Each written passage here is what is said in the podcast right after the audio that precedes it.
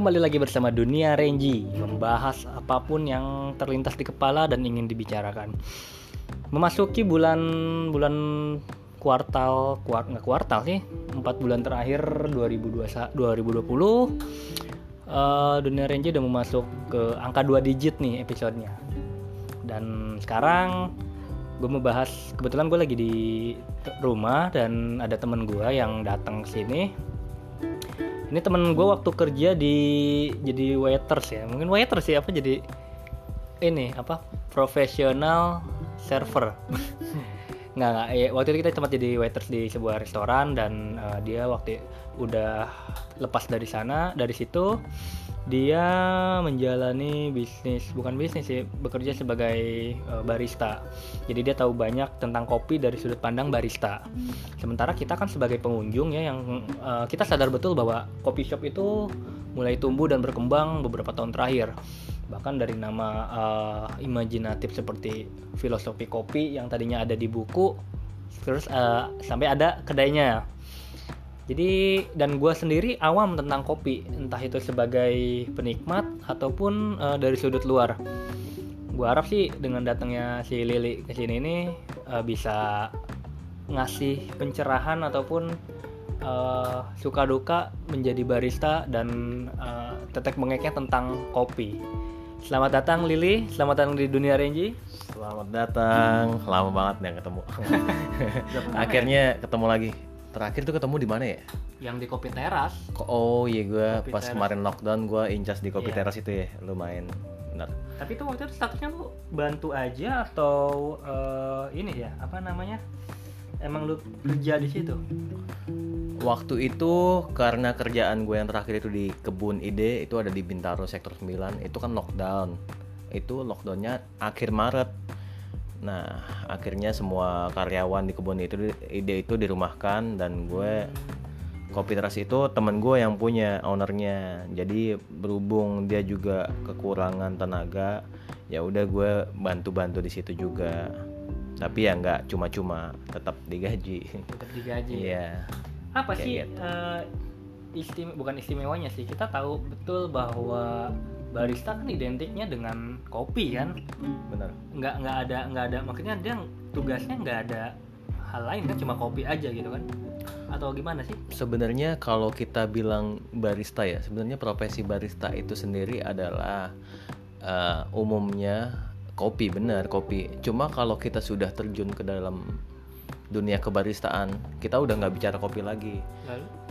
yang kita bicarain ya kita tetap melayani customer dengan SOP F&B secara nggak langsung kita sama aja kerja di F&B gitu jadi kita barista itu cuma uh, apa namanya uh, pembagian pembagiannya section lebih ya? section detailnya itu ke kopi kayak ke gitu kopi. loh tetap oh. SOP-nya yang kita pakai tuh F&B kayak gitu men. Berarti udah menjalani ini ada sekitar 4 tahun lima tahun dong? Atau berapa ya? Gue jadi barista itu terakhir kita di alam sutra itu berapa sih? Tahun berapa? 2017 2017 ya gue resign 2017 enggak 2017 uh, Lo... kita tutup. Oh tutup. Gue resign itu 2016 16 kayaknya ya. Dari ya, 4 tahun dong udah iya kurang lebih segitu. 4 tahun 4 tahun gue jadi barista. Di mana aja lo udah pegang atau lo menjadi barista? Hmm, mobile aja sih. Kalau barista sih kayak gitu ya. Maksudnya bukannya nggak berarti kita nggak uh, bukan nggak terikat gini loh. Kalau profesi barista itu kita lebih cenderung kepada komunitas. Jadi kita lebih terpancing buat nyari teman banyak nyari koneksi kayak gitu. Jadinya kebanyakan sih yang udah-udah uh, bukannya nggak bertahan pindah-pindah kerjanya kayak gitu. Hmm, komunitas ya. Mm -mm dia sama kayak profesi lain gitu nggak? Atau maksudnya ada uh, sertifikat atau apa gitu nggak sih? Kalau dari Kemenker apa Backcraft sendiri eh, dia setiap setahun sekali ngadain lemba ada LSP-nya kan lembaga sertifikasi hmm, profesi. hmm. Itu buat semua barista kalau tahun dari tahun kemarin sih sebenarnya sudah diwajibkan harus tersertifikasi hmm. nah itu gratis dari Backcraft. Backcraft itu. Jadi buat kita yang belum tersertifikasi uh, ya gratis pokoknya kayak gitu. itu nah itu ya, membantu nanti dalam perihal kita nego gaji atau kayak, kayak Iya, atau kita mau kemampuan kita diakui benar kayak gitu. Terus eh, dia barista ini juga nggak sih? Ke meracik kopi atau misalkan lo di ke kopi shop satu nih mereka kan udah ada menu nih A B C D E Eh, otomatis kan lo harus bikin menu itu berdasarkan standarnya mereka. Tapi lu juga ini nggak sih apa punya hak atau dituntut untuk membuat sebuah produk yang mana produk itu berdasarkan racikan lu sendiri enggak nggak wajib? Nggak wajib. Kalau kita masuk ke sebuah coffee shop atau kedai kopi biasanya tergantung job desk kita. Kalau misalkan ini misalkan ya misalkan kita diminta buat eh, pembukaan kedai baru sedangkan si ownernya ini dia nggak ada basic atau cuma punya modal buat usaha lalu dia cari barista buat ngembangin produk atau segala macam mungkin iya. Tapi kalau kita terjun ke coffee shop yang udah jadi Hmm. kita ya udah ngikut Ngikutin SOP aja. yang ada aja kayak gitu. Di Ciledug itu banyak kan ya kopi shop ya? Banyak banget. Banyak banget ya? Jarak berapa meter setiap berapa meter sekali ada lu pernah sensus gitu nggak? Kenapa? Pernah sensus sensus Enggak sih nggak pernah cuma ya tiap hari. Tapi kelihatan Hmm, kelihatan lah. Kayak gua kan pernah nih di eh, Puri Beta tuh Hmm. ada namanya selangit ya. Pernah denger nggak lo? Selangit kopi kalau nggak salah. Banget kopi. Dia modelnya ruko sih atas bawah. Tapi nggak jauh dari situ sekitar ya 50 meter tuh memang ada kopi shop lagi. Rame. Rame. Itu yang kelihatan gua ya gua kan bukan orang situ. Iya, karena kalau yang gua lihat di Ciledug sendiri eh, kulturnya orang tuh udah bukan bicara kopi lagi, lalu tapi kebutuhannya nongkrong kayak gitu. Makanya banyak kedai kopi atau kafe-kafe di Ciledug itu karena kebutuhannya nongkrong. Jadi udah bukan bicara nanti kita mau ngopi apa nih, mau minum kopi apa nih. Yang penting emang kita nongkrong dulu kayak ya? gitu. tapi itu bukan yang memang kayak gitu ya. Di, maksud gua itu kan umum kan kayak di Mhm, tempat mhm, di, nggak, nggak jangan kan sebut Ciledug mungkin di Jakarta Selatan eh, Utara juga sama kali. Mungkinnya ada coffee shop buat datang ke situ memang cuma buat nongkrong. Atau memang atau mungkin ada sebuah coffee shop yang eh, orang datang situ memang pengen nyicipin kopinya. Ada nggak sih yang begitu? Biasanya kalau penikmat kopi itu random aja tergantung dia moodnya mau ke mana gitu. Dan yang gue lihat sekarang di kalau di Ciledug itu punya kulturnya begini loh. Dia kul- eh, kulturnya Ciledug itu punya pasar sendiri. Artinya gue beberapa kali waktu gue incas terakhir di se- sebuah kedai kopi gue suka nanya sama customer "Eh, kak dari mana kak? Oh dari Depok. Terus Dari kadang suka Depok. iya kadang nanya dari mana? Dari Pondok Indah? Jauh-jauh. Jadi ternyata yang nongkrong di Ciledug itu nggak cuma orang Ciledug orang banyak kan dari luar. Kayak gitu. Jadi sudah ada apa tinggal. namanya komoditi ya komoditi atau apa sih kayak apa gitu. sih? Ya pokoknya di- iya iya. punya kultur baru lah kalau Ciledug ini adalah sebuah pusat nongkrong yang baru dengan skala menengah ke bawah. Mungkin kalau kita ke Cipete itu kan menengah ke atas. Itu specialty ya kan? Specialty Emang iya? coffee shop ya Oh. banyak juga kan di Cipete. Cipete tuh berjejer tuh kedai kopi atau coffee shop tuh. Nah kalau ke Ciledug versi menengah ke bawahnya kayak gitu. Tinggal orang mengopsikan dirinya aja ke mana gitu. Mungkin kalau tengah bulan bisa ke Ciledug kalau awal bulan ke Cipete gitu kan bisa aja. Atau mau agak nge-mall ke Starbucks. Iya benar.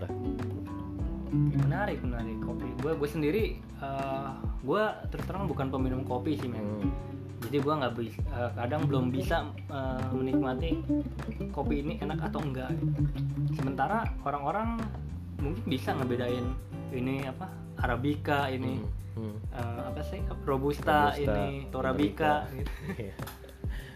gimana sih maksud gue supaya gue sebagai awam tertarik untuk eh, minum kopi atau gue bisa tahu ini kopi bagus. Dari mana itu? Kalau itu gue dulu gue dulu juga sebelum kenal kopi ya single origin ya orang-orang bilang. Apa tuh single origin? Oh, mungkin lu tahu gue tahu tapi pendengar gue mungkin nggak tahu single origin apa. Single origin tuh istilah yang umum banget. Pasti banyak yang tahu juga. Jadi single origin itu single itu satu origin itu ya original gitu. Jadi Nggak misalkan ada campuran gitu. ah. Oh gue punya lahan pertanian nih Mm-mm. 2 hektar gue orang Gayo gitu misalkan ini gue tanamin bibit eh, Arabica Gayo yang 2 hektar ini Mm-mm. itu cuma satu macam bibit aja itu namanya satu single origin single itu. origin Oke. itu sendiri jadi nggak ada bibit-bibit lain selain yang Single gue tanam origin. itu Oke. itulah sa- single Oh, origin iya. nah awal mulanya gue suka kopi-kopi Arabica itu kan gue dulu pengopi berat juga sebenarnya Hmm. cuma gue ngopi ngopi sasetan iya sama. Gue juga sasetan iya tapi pas gue lama kelamaan gue ngopi sasetan tuh yang kopi kapal api itu Hmm. aduh gue nyebut merek. Nih Iya, itu gue sering banget ngerasain apa namanya, kadang sakit pinggang atau Nah, radang. emang itu kan bisa Eh, jadi bukan karena kopi bisa aja lu kurang tidur atau salah bantal. Enggak enggak enggak enggak. Secara lu bayangin gak sih, misalkan kopi itu kan ada kafein eh, bukan kafein apa namanya bisa biasanya di kemasannya tuh suka ada tanggal Expired. produksinya. oh Nah, yang gua tahu sih kalau nggak salah ya di di sasetannya itu cuma ada tanggal produksinya, cuma nggak ada tanggal expired. Oh. Sedangkan kopi itu sih sebenarnya emang nggak ada expirednya, cuma apek. Kalau umumnya kopi itu apek, apek doang. Kalau expired sih nggak ada. Nah, sedangkan kalau di dalam kemasan itu kan kita nggak pernah tahu.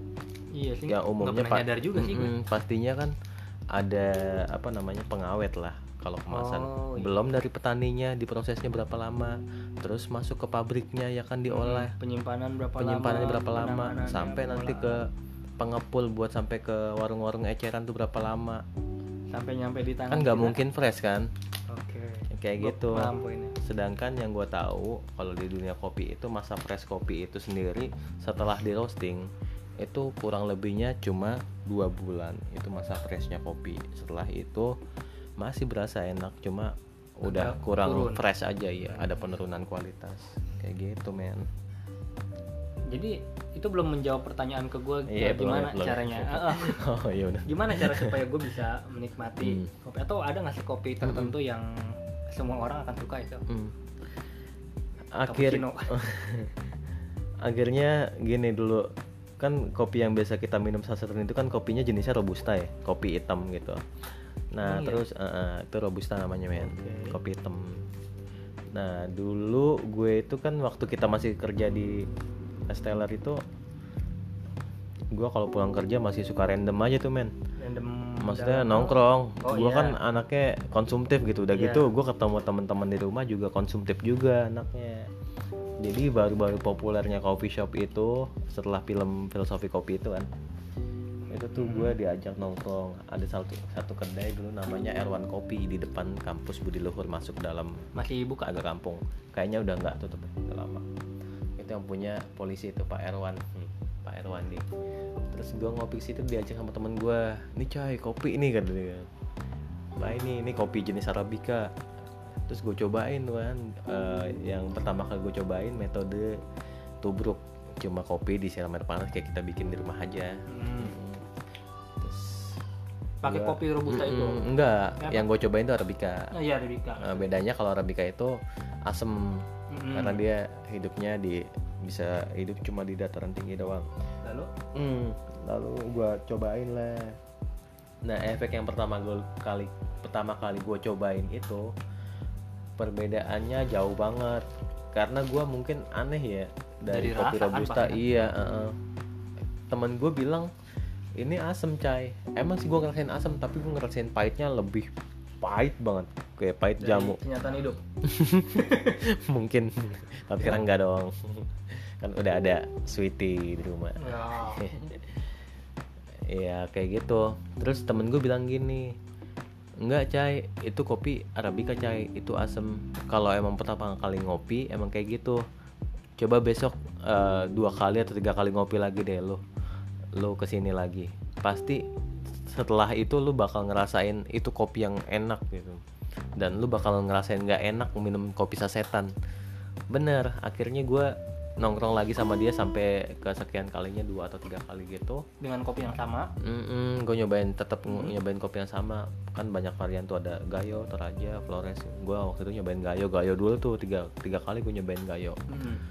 Nah akhirnya pas gue di rumah iseng gue beli sasetan, gue cobain kopi sasetan. Bener men setelah gue nyobain tuh baru tahu kandungan apa yang perbedaannya gitu yang ada di kopi saset. Itu yang gue rasain jagung mulu kopinya cuma berapa persen doang. Mungkin itu kopinya juga esen doang kali ya. Iya, iya. kayak gitu. Ya udah akhirnya gue malah gue lupain kopi sasetnya Dan itu. mulai beralih ke Mm-mm. kopi. selain apa selain enak juga lebih sehat kan. Karena fresh fresh Iya. kopi kayak gitu. Jadi gua harus minum arabica itu kalau selera orang sih sebenarnya nggak bisa Hmm. dipaksain. Cuma kita eh, kalau saran gue sih ada baiknya kita minum kopi tuh kopi yang kayak gitu lebih benar maksudnya. Hmm, tanpa campuran apa-apa. Dan kita juga membiasakan diri tanpa gula. Kopi itu bagus cuma gulanya yang nggak baik. Bener sih. Gulanya itu sumber penyakit gitu. sedangkan di kopi sendiri sudah punya kandungan gula. Cuma kandungan gula yang di dalam kopi namanya fruktosa Dan itu? gula kan glukosa. Glukosa. Mm, itu gua kadar gula dalam apa buah itu baik buat kesehatan. Ini lo yang ngomong nih? Mm-mm. itu riset. Oh riset. Mm-mm. oke. Jadi yang ada di pikiran gua adalah gua misalkan ke coffee shop ya sebenarnya pesen apa aja gitu kan. Yang penting Hmm. eh, pertama kan jatuhnya akan ke selera. Bener kalau kayak cappuccino gitu kan dia ada kandungan susu dan gula nya ya nggak sih? Kandungan susu dan gula. Enggak sih men. Enggak. Yang bener sih enggak. Enggak kopi ada yang bener tuh yang kopi aja tok gitu kan? Kalau cappuccino atau cafe latte itu kan basicnya espresso. Espresso itu kan kopi yang dihasilkan pakai ekstraksi dengan tekanan sekian bar gitu. Hmm. Jadi cappuccino itu cuma fresh milk sama si basic espresso itu aja.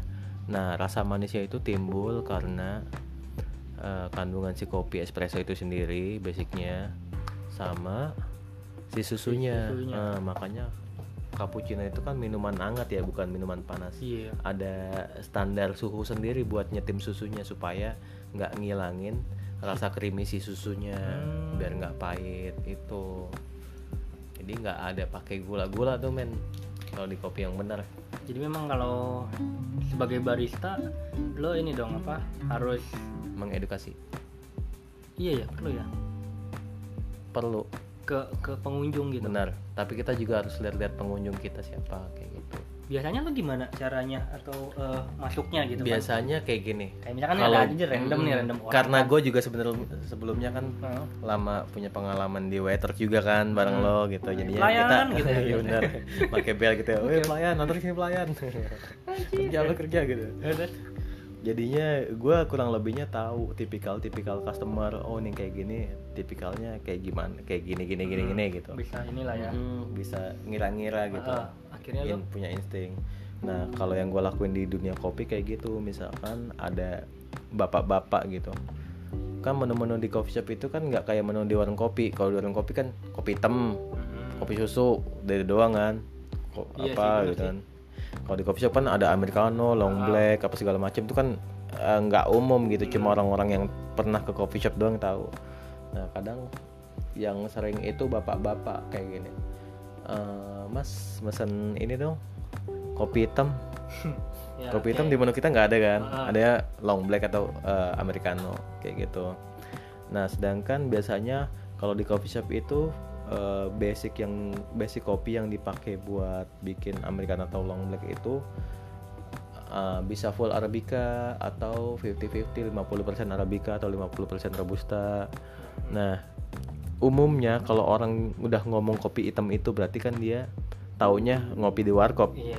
Kalau di warkop tuh kopinya kopi hitam dong robusta Ah, nah nah terus gue pasti gue kasih edukasi dulu gue jelasin pak suka kopi yang asam gak gitu. Kalau mau kopi yang asam ini kita ada single originnya ini nih kalau kita buat kopi hitamnya nih ada namanya long black. Long black ini basic kopinya pakai ini pakai ini. Ini kopinya pahit tapi ada asamnya dikit suka apa enggak kayak gitu. Karena kalau Hmm. kita nggak kayak gitu kita bakal ngerasa nyesel. Misalnya kita kita udah serve ke tamu tapi ujung-ujungnya si tamu tuh kayak agak kecewa gitu. Nggak sesuai expectnya dia yang pesen gitu. Dan tuh lu kecewa saat eh, ngelihat si customer kecewa dengan bukan kecewa sih lebih nggak nggak puas dengan ininya kalau gua bakalan lebih kecewa kalau gua nggak pernah ngedukasi customer gua kayak gitu. Makanya gua mendingan daripada gua kesalahan atau gua kena komplain duluan gua jelasin, jelasin tapi gua liat-liat customernya juga. Kayak gitu. Pernah ada yang eh, nyolot gitu nggak sih? Banyak banget. Banyak. Iya. Apaan sih mas? Ya udah kayak gitu. Atau gimana responnya? Kalau dulu kalau nggak salah istilah tamu-tamu yang kayak gitu namanya apa ya snowbird atau apa apa gitu kayaknya snowbird ya jadi tamu yang sotoy-sotoy kopi gitu nah kalau di dunia perbaristaan sebutannya pendekar tapi pendekar itu dia memang barista terus dia main ke kedai Oh. lain terus nanya-nanya so Ah, so jago tentang so- kopi lah ah. kayak gitulah kayak oh ada yang kayak gitu ya ada dulu banyak banyak Namanya banget kayak pendekar. gitu. iya namanya mendekarin Mm-mm. Nah kalau uh, dari segi tamu sendiri juga ada tamu kayak gitu. Itu dulu dipanggilnya snowber. Nah gue pernah ngalamin itu beberapa kali dan cukup jengkelin sih. kenapa kenapa Iya karena maksudnya gini loh, etikanya kita sebagai seorang tamu deh gitu. Kita, lu kalau misalkan jadi tamu gimana sih? Lu Gua beli, misalkan lu mau beli apa nih? gue misalkan ngorder nih satu kan satu kopi Mm-mm, Eh, ya udah misalkan gue pesen arabica mm-mm. ya udah gue tinggal pesen aja sih Pesen mas aja kan? pesen arabica dong satu Yang mana mas? Flores apa Gayo gitu? Eh, gue gue katakanlah gue awam ya berarti ya Mm-mm. bedanya apa mas gue kan nanya kan Gue pasti bakal jelasin Eh, kalau lu nanya ini kayak gitu. kan. ini Oh, kalau Flores ini Mas eh, tipikal aftertaste-nya kayak gini nih, earthly atau apa. Nah, kalau si Gayo ini kopi dari Sumatera, Mas. Umumnya kopi Sumatera ini acidity-nya atau tingkat keasamannya lebih tinggi. Mas yang suka yang asam banget atau enggak? enggak sih Pasti si barista bakal jelasin kayak gitu. Ya, terus Mm-mm. kalau yang snowber akan responnya gimana Kalau snowber itu dia eh, bakal sotoy duluan. Artinya lu kalau mesen kayak gitu, lu pasti udah bakal percaya aja dong sama skill si barista barista dong. Iya, karena kan udah paksain udah- aja. Lu Ah. taunya bayar, nikmatin kopi Ah, gitu kan. cuman Nah. kalau snowber Kalau snowber itu cenderung lebih nggak percaya sama kemampuan barista Hmm. gitu. Jadi dia punya expect yang lebih dengan apa yang dia pahami atau dia tahu gitu kan. Tahu-tahu datang gitu, Mas ngeliat-ngeliat celengok-celengok gitu. Hmm, nyari yang murah, bukan? Iya. nyari yang gratis kalau Oh, bisa. gratis. Terus dia lihat kopinya ada apa aja mas? Ini ada ini, ini. boleh cium ya? Hmm, sampai gitu Iya, gue sambil mangut-mangut aja. Cium aja mas. cium ini di Iya, dihirup iya dihirup.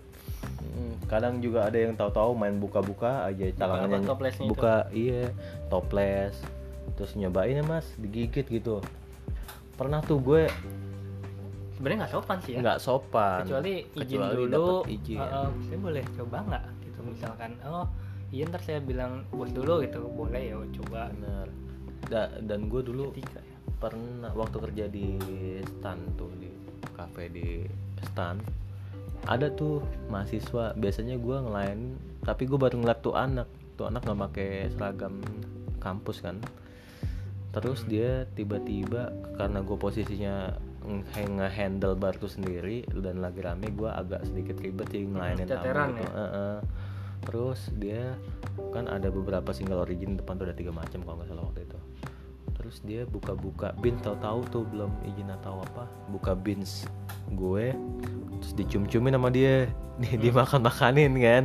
Terus gue liatin nih wah ini bocah konyol nih Iya, konyol. konyol nih ya kan belum apa-apa Iya udah main buka-buka tangan nyelup ke dalam itu toples kan. Nggak nggak pantas gitu Nggak maksudnya etika sebagai pembeli pun nggak begitu. begitu. Mm-mm. terus akhirnya gue apa namanya gue sapa gitu siang mas mau pesan apa? Oh ini aja mas eh, Ciwidey aja. Ini prosesnya apa mas? Ciwidey. Ciwidey kopi Ciwidey Jawa Oh. Barat. Eh, pesan ini aja mas Ciwidey.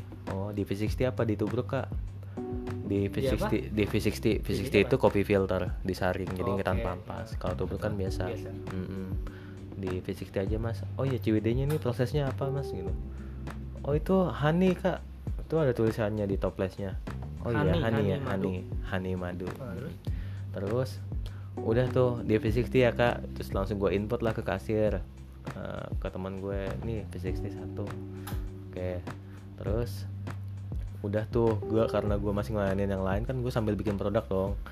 Nah pas Hmm. gue masih bikin produk ternyata gue kirain dia udah selesai gitu loh makanin kopi atau nyem nyem Ah. kopi. Ternyata masih makanin kopi.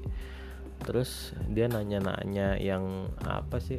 Hmm, nanya-nanya bins yang lain. Kalau ini dari mana mas? Waduh saya kurang tahu itu ininya. Pokoknya gue kalau nggak tahu gue bilang nggak tahu gitu nggak sotoy gue gitu. terus dia masih makanin tuh men karena gue rasa itu udah Oh, kelewatan, kelewatan gitu ya? ya. Udah akhirnya gue kadang dongkol juga sih. Ya udah gue tegur aja mas enak ya kopinya gitu. Iya mas enak nih benchnya gitu. "Oh, mau makan nasi nggak mas? Dia langsung ini mukanya flat gitu Ah. ceming gitu kan. Coba lu kalau gue gituin mau ngomong apa? Iya sih. ceming kan pasti. Iya. iya dia langsung ceming gitu kan. Mau makan nasi nggak mas enggak mas. Beneran nih kalau mau saya ambilin nasi nih biar kenyang kalian. Nah. dia Gitu langsung diem. ya? iya. Langsung enggak mas. Udah. Itu tadi V60 ya. Oh iya mas. Udah diinput kok. Ditunggu aja ya. Hmm. iya mas. Makasih ya. Udah gitu. Akhirnya dia nggak bisa berkata-kata. Ada ada ya iya maksudnya iya walaupun cara gue juga salah tapi dia harusnya Ka- etikanya kalau- juga iya. nggak seperti itu gitu loh Makanya harus kan nanya-nanya kan juga reaksi juga. yang timbul akibat aksi dia yang begitu kan. Mm-mm, bener Itu gue Macem-macem. penasaran dengan yang pendekar tuh ada ya kayak gitu bener ya. Tapi tujuannya bukan buat ngejatohin si barista atau coffee shop kompetitor kan? Atau ada yang Oh. begitu? kadang ada aja Serius? Mm-mm. Cuma kadang lebih banyak sih kalau yang gue lihat ya cuma buat action aja sih Hmm, kayak gitu. Jadi sebenarnya kita dia kita tahu dia ini barista di di kedai ini. Ah. Cuma kita nggak akrab aja gitu. Terus dia main ke kedai kita, terus nanya-nanya, terus minta diseduhin. Mas suhunya segini ya, kayak gitu. Sedangkan yang punya bar kita, yang punya sope kita, Oh, kita oh mau iya. seduh kayak gimana, mau sambil jungkir balik juga urusan Iya, kita benar. dong gitu kan. Iya sebenarnya itu juga nggak boleh. Tapi itu kemarin-kemarin sekarang udah nggak ada kok yang kayak gitu. Udah biasa aja, udah nggak ngomongin kopi malah. Kita malah lebih banyak berkawan kalau di di barista. Hmm, seru ya seru ya. Seru, seru banget jadi barista. Terus eh, apa lagi yang bisa lu bagi? Seputar apa nih? Masih ke barista nih. Masih sekitar kebaristaan dan kekopian sih apa sih yang unik dari kopi? Karena kan gue juga terus terang eh, nggak begitu tahu dan paham tentang kopi sih. Jadi gue mau nanya juga bingung mau nanya apa. Hmm, Kopi apa yang ya? gue pesen waktu di sono apa ya di teras kopi tuh? Gue pesen apa ya waktu itu ya? Lupa. Vietnam tadi bukan sih? Oh enggak, yang Vietnam tuh si Ana. Si Ana. Ana pesen Vietnam dan gue coba emang eh, enak sih enak walaupun pahit ya memang pahit kan? Gue mau berharap apa gitu? Gue biasa minum kopi kopi susu kopi susu yang manis-manis dan ya itu belum emang bukan tukang kopi men. Bukan peminum. Gitu sih. Em, apa ya? eh, kalau sekarang sih banyak orang yang latah latahnya itu karena ngeliat peluang usaha di Oh iya, bisnis iya, kopi bener-bener. itu bagus banget gitu banyak tuh orang yang sebenarnya dia bukan passionnya ke kopi atau passion usaha tapi dia cuma punya modal dia paksa-paksain. Nah sah-sah aja sih sebenarnya kayak gitu. Cuma alangkah baiknya kalau mereka yang seperti itu pakai jasa consulting. Artinya ditangani sama orang yang benar-benar di bidangnya kayak gitu. Biar hasilnya pun sesuai kayak gitu. Karena kopi itu gue bilang sensitif juga. Emang ada sensitif kayak gini? Hmm, misalkan gue ngopi ke salah satu kedai terus gue biasa ngopi kopi Vietnam drip gitu. Ternyata gue ngopi di kedai yang kemarin gue minum tuh rasanya beda. parah parah banget. Itu bakal nimbulin kecenderungan kapok. Emang sih. Akhirnya gue bakal malas mendingan gue ngopi ke sana aja deh. Mahal goceng nggak apa-apa tapi enak kok kayak gitu jadinya. Bener-bener harus ditanganin sama orang yang Mm-mm. profesional atau yang paham di bidangnya kayak gitu yang nggak asal punya modal aja kalau sekarang lu lihat banyak juga kan tempat-tempat minum minuman kopi kayak katakanlah kopi kenangan apalagi sih kopi janji Janji jiwa, jiwa. yang ngemul-ngemul lah ya iya kayak kopi begitu kan mulai tumbuh nih banyak menurut lu gimana tuh men? Apakah industri ini kemudian nanti di katakanlah lima tahun ke depan akan tetap subur dan akan menggerus kopi shop kopi shop pinggir jalan yang kayak lu biasa main? Enggak, enggak. Kalau janji jiwa, kopi kenangan, mereka itu kan sebenarnya eh, mengembangkan tren kopi susu yang ada. Hmm. Karena trennya kopi susu itu kan awalnya dari kopi tuku ya, yang Pak Jokowi minum itu, tuku ya memang ya Hmm, yang di Cipete itu. Hmm. Nah, akhirnya banyak kedai-kedai yang specialty atau yang kedai-kedai Hmm. kopi shop biasa aja itu ngembangin kopi susu. Jadi hampir di setiap kopi shop atau kedai kopi sekarang pasti kopi. ada, signaturenya atau ada kopi susunya. Kopi susu Aten lah, kopi susu Pandan kayak gitu. Jadi bisa dibilang Jadi punya segmen masing-masing ya Punya akan segmen, ini ya. nggak bakal mati. Sedangkan semakin banyak gini loh, semakin banyak kedai kopi atau bisnis di bidang kopi itu kan semakin banyak permintaan kopi di iya benar-benar. pertanian dunia pertanian kayak gitu. Dan kita salah satu pengekspor kopi terbaik kan? Benar. Bener terempat nggak? terbesar di dunia. Terbesar ya? Jadi ada peluang di situ. Benar. Peluang di kopi tuh bagus banget. Kalau lu punya uang ada baiknya kalau lu passion di kopi lu beli tanah lu bikin lahan pertanian kopi. Wah itu keren ada tanah banget. men. Tanah apa Hmm, tanah seember. Buat buat gituin. Nanam. Buat nanam. Oke deh. 30 menit cukup lah ya. Nggak usah panjang-panjang. Hmm, nanti Atau kita sambung di section berikutnya, kali.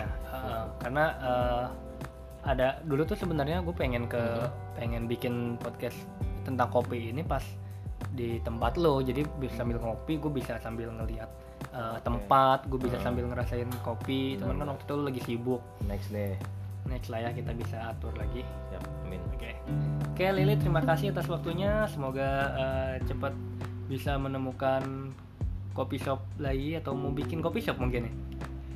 gue sih rencananya lagi mau gue garap konsepnya sambil nungguin modalnya juga nih nyicil uh, peralatan Uh, mungkin gue bikinnya nggak ke coffee shop sih lebih kepada tetap produknya ada kopi gitu tapi gue nggak mau kopi banget gue lebih pengen bikin itu semacam public house mungkin ya Public house. Heeh, jadi gue bakal isi itu tempat dengan konsep yang baru, konsep yang beda. Tapi ada beberapa kegiatan yang bakalan gue rutinin di situ. Entah ada stand up atau ada ruang Hmm, diskusi wah, seru kayak gitu. Lebih ke public house aja sih. Ya mudah-mudahan jalan, doain aja. Amin. Oke, eh, itu dia bincang-bincang saya dengan Lili, seorang sahabat yang menjalani dunia perkopian dan juga sebagai barista. Saya Gunadi, Dunia Renji bersama Lili pamit undur diri. Terima kasih.